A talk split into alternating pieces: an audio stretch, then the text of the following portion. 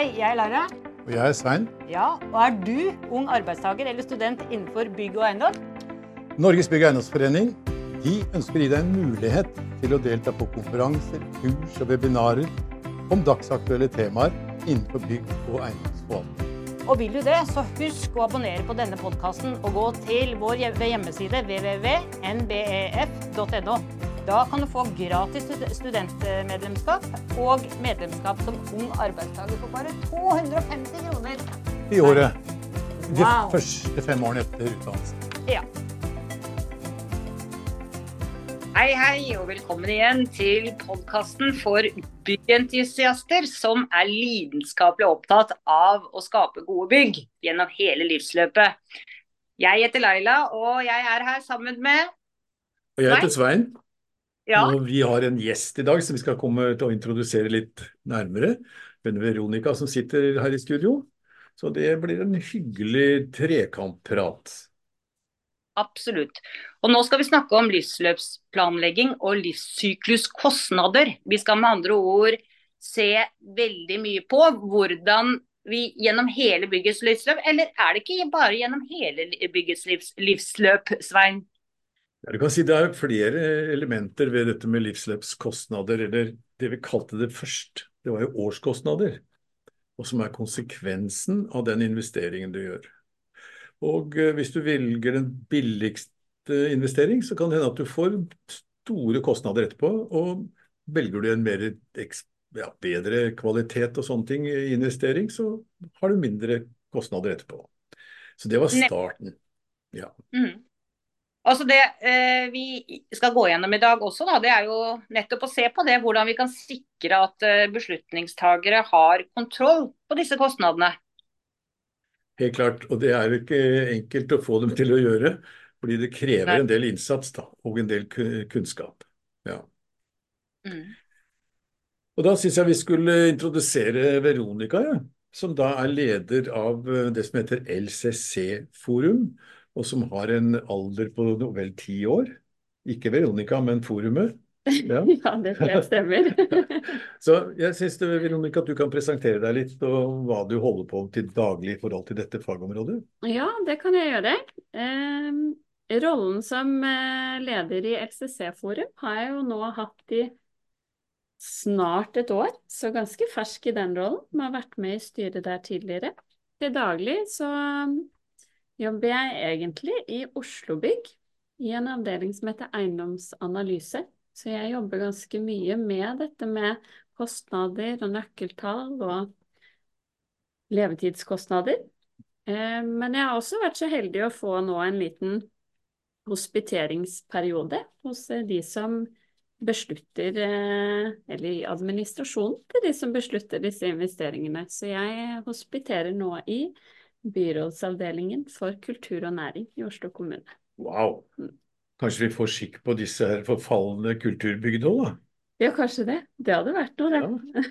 Det hadde vært spennende, fordi der hadde vi en diskusjon med Riksantikvaren for mange mange år siden om dette med oppgradering av eh, skal vi si, fredede eller vernede bygninger.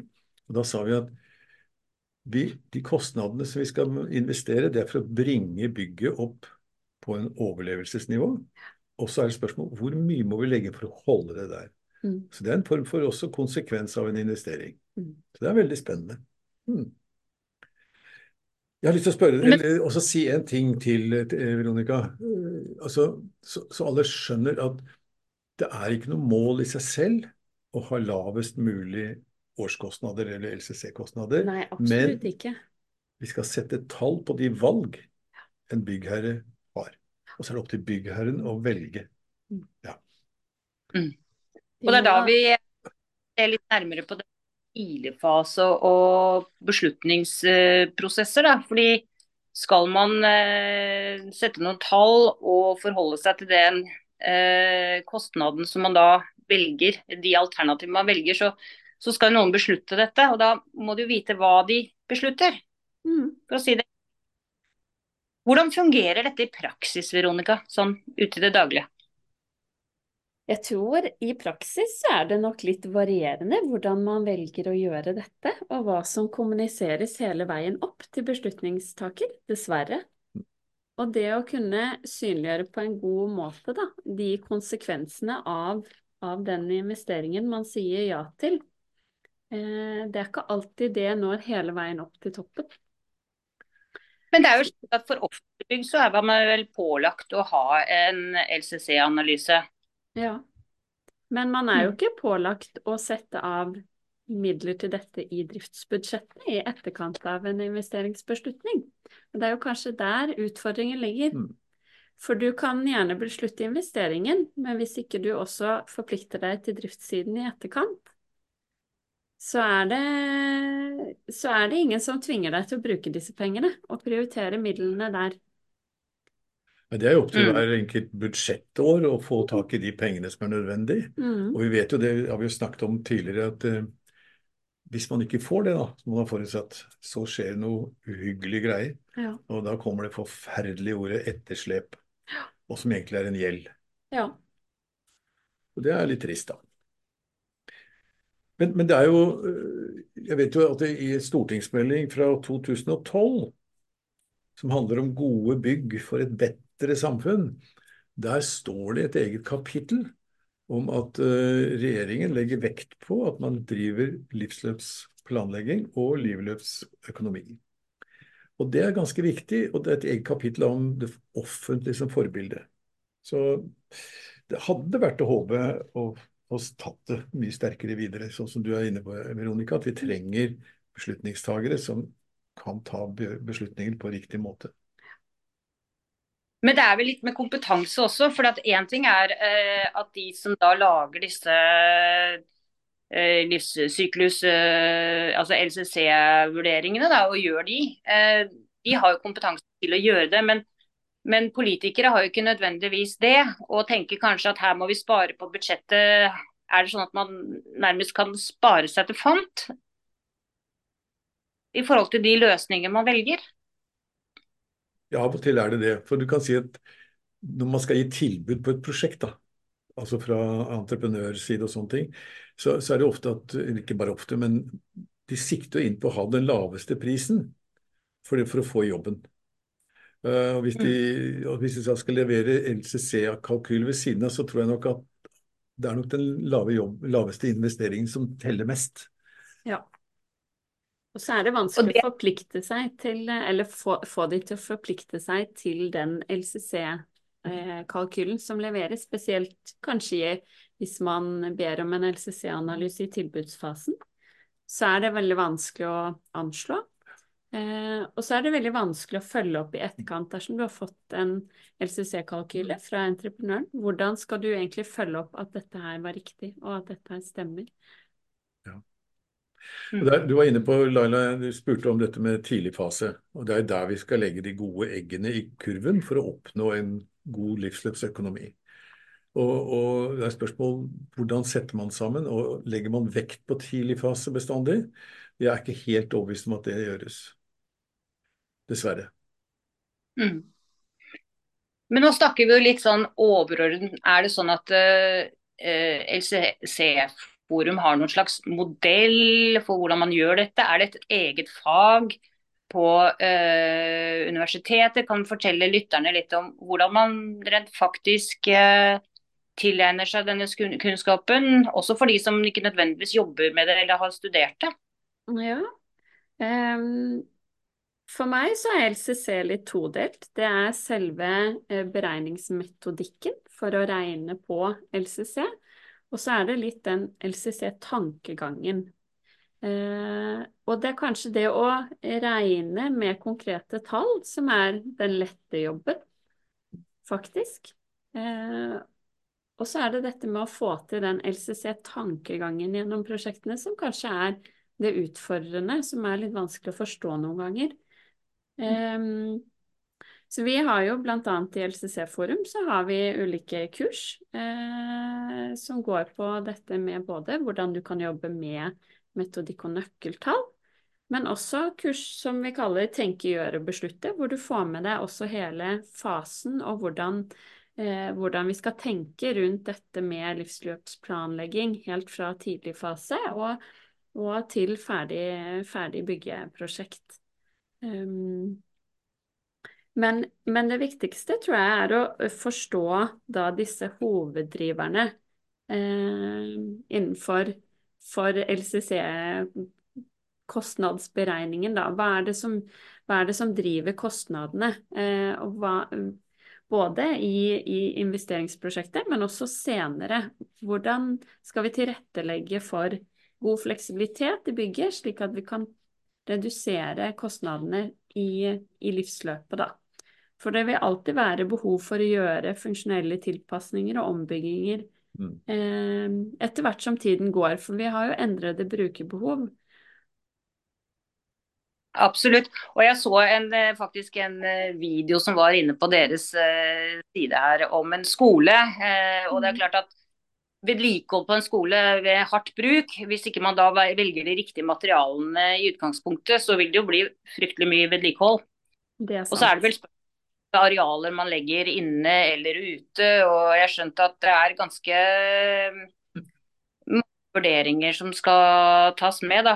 Men hva med sånn bærekraftsperspektiv? Hvordan tenker dere LCC i forhold til eh, bærekraft? Veldig ofte så er det jo sånn at eh, LCC og eh, bærekraft går litt hånd i hånd, spesielt i tidlig fase. For der kan du gjøre veldig mange gode beslutninger som mm. også er veldig positivt på miljøet. Mm. Eh, og det handler om byggets utforming. Velger du å f.eks. Eh, grave ned mye arealer, så driver det både kostnader, og det er ikke spesielt bærekraftig, for det også krever en del mer materialbruk. Du får kanskje et høyere eh, brutto-nettofaktor, annet, som igjen også er en kjempedriver på kostnadssiden. Så det, ja. ja. Men du var inne på en ting, eh, Veronica. Du sa at noe av bærekraft ligger i å lage bygget fleksibelt, altså mm. tilpasningsdyktig. Og det er ganske viktig å ha med seg, fordi hver gang du bruker penger gjennom en livsløp, så forårsaker det også en miljøbelastning. Gjør du vedlikehold, så koster det penger, og du legger igjen en miljøfotavtrykk. Det betyr at vedlikehold må være, vedlike, det må være vedlikeholdsvennlig, tilgjengelig, slik at det er enkelt å gjøre det. Det er det ene biten av det. Og det andre aspektet som jeg syns blir enda mer viktig nå når vi ser klimaendringene, det er at det er ikke materialet i seg selv, det er alle detaljene. Det er også en vesentlig poeng i hatt og frakk på bygget. ikke sant? Tak og fasader. Alle overganger, innsetning av dører. Og jeg tror at et av de mest uh, undervurderte bygningsdeler, det er beslag. I forhold til, ja, Det regner jo ikke bare rett ned. Det regner bortover og oppover, og det blåser samtidig. Det fyker vann innunder ting. Så det er mm. ganske viktig å ha med detaljene. Eh, kan dere si litt om eh, standarder på dette området? Finnes det en norsk standard? Ja, det gjør det. Den første standarden kom i 87. Og det var fordi Statsbygg de sa at de ville vite om konsekvenskostnader når de gjorde en investering. Og da mm. het den FDV. Forvaltning, drift og vedlikehold. Og V-nemndene må vi, vi må jo reklamere for 750-årsjubileet. Ja, det må vi gjøre. Det er jo det er 750 år siden vi fikk den første vedlikeholdsloven i Norge. Ja, det er sant. Det var Magnus Lagabøte. Han var en luring. vet du, Hun lagde en kjempelandslov som kom i 1274. Og eh, der er det noe om vedlikehold. Der står det de bønder som sogner til kirken, plikter å skjærebre kirken hvert tredje år i den kalde årstid. Altså, han sa hvem som har ansvar, hva som skulle gjøres, og hvor ofte. Jo, den loven varte i 400 år. Og så kom danskekongen og overtok lovverket, holdt jeg på å si. Og så begynte de med sine egne lover. Så det er, det er verdt å feire. Ja. Men det var jo det var FDV-en som kom først. Da tenkte man i år, ikke sant.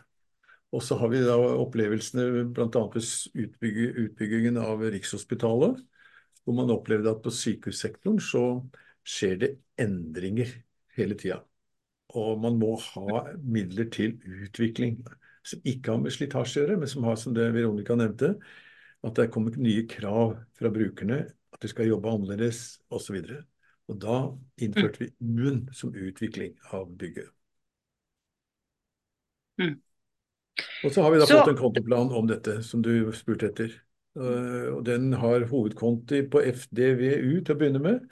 Og så har det kommet en eh, par andre rare bokstaver. S for eksempel, for eh, det som ikke har med, med skal vi si, selve bygget å gjøre, men som har med det som støttefunksjoner for det som foregår i bygget.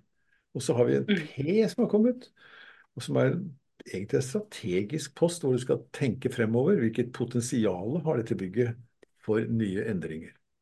Og så Ja, dette her er- med internasjonale standarder.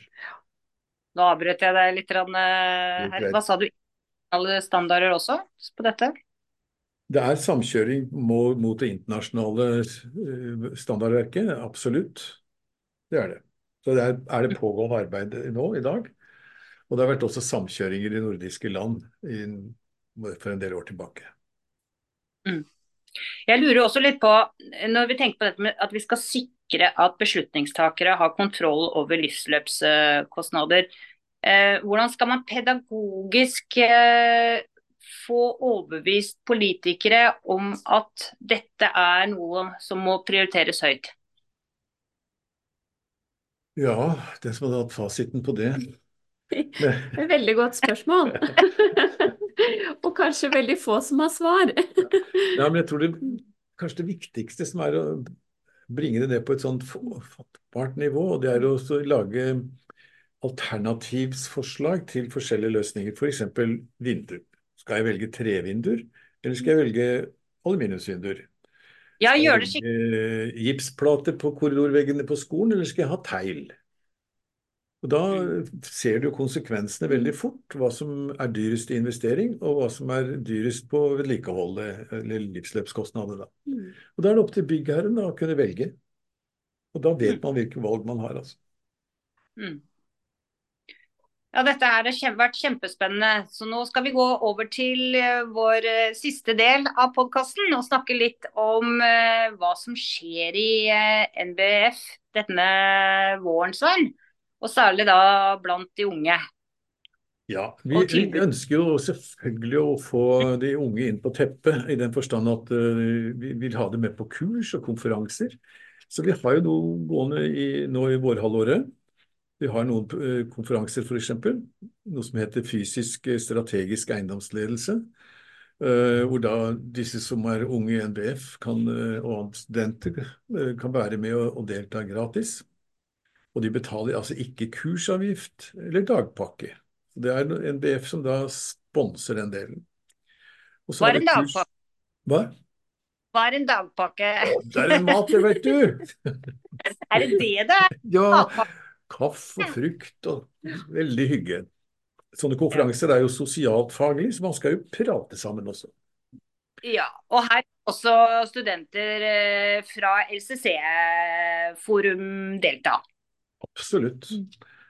Og så har vi et prosjekt om kunstig intelligens i BAE-næringen. Altså, og BAE står for altså bygg, anlegg og eiendom. Den er eh, på tilsvarende måte.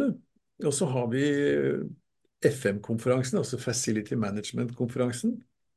Som eh, også man betaler, håper å si betaler gratis. Det er flott. Og så er det en del temakurs. Det vil si altså litt kortere, og de er gjerne digitale.